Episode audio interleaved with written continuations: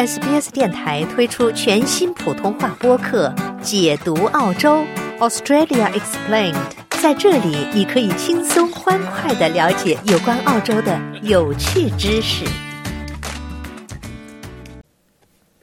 准备迎接农历新年的亚历克斯徐，希望龙能为他的澳大利亚葡萄酒出口企业皇家之星酒业注入活力。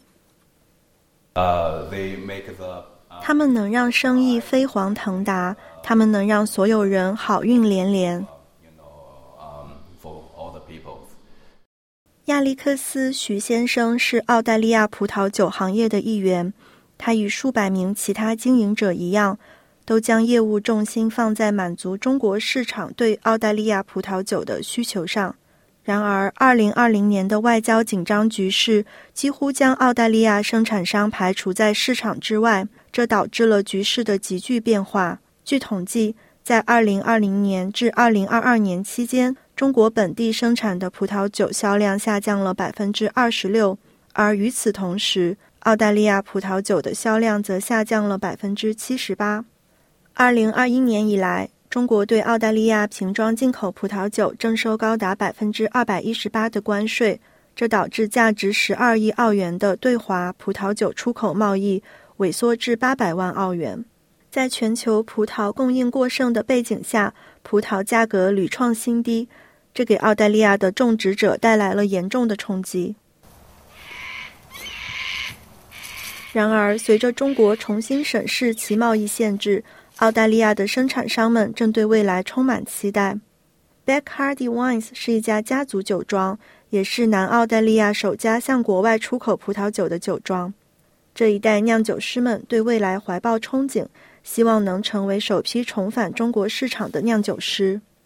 Back Hardy Wines 的销售和营销总监是理查德·多兰。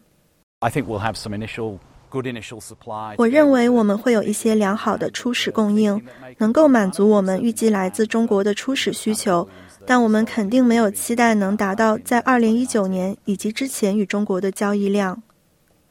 然而，澳新银行大中华区首席经济学家杨雨婷表示，中国的经济问题可能会面临新的挑战。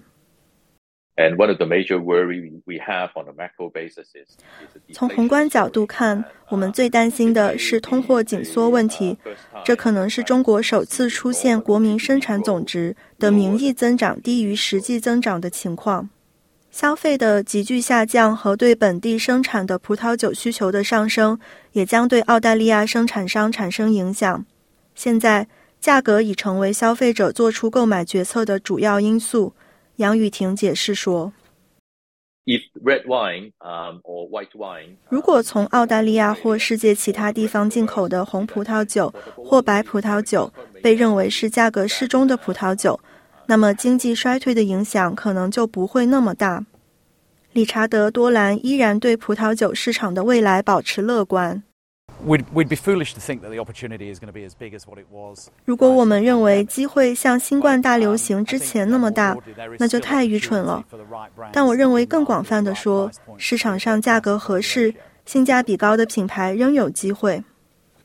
中国将在三月底之前对澳大利亚葡萄酒关税进行复审。了解澳洲，融入澳洲，欢迎登录 sbs 点 com 点 au 前斜杠 language 前斜杠 mandarin，获取更多澳大利亚新闻和资讯。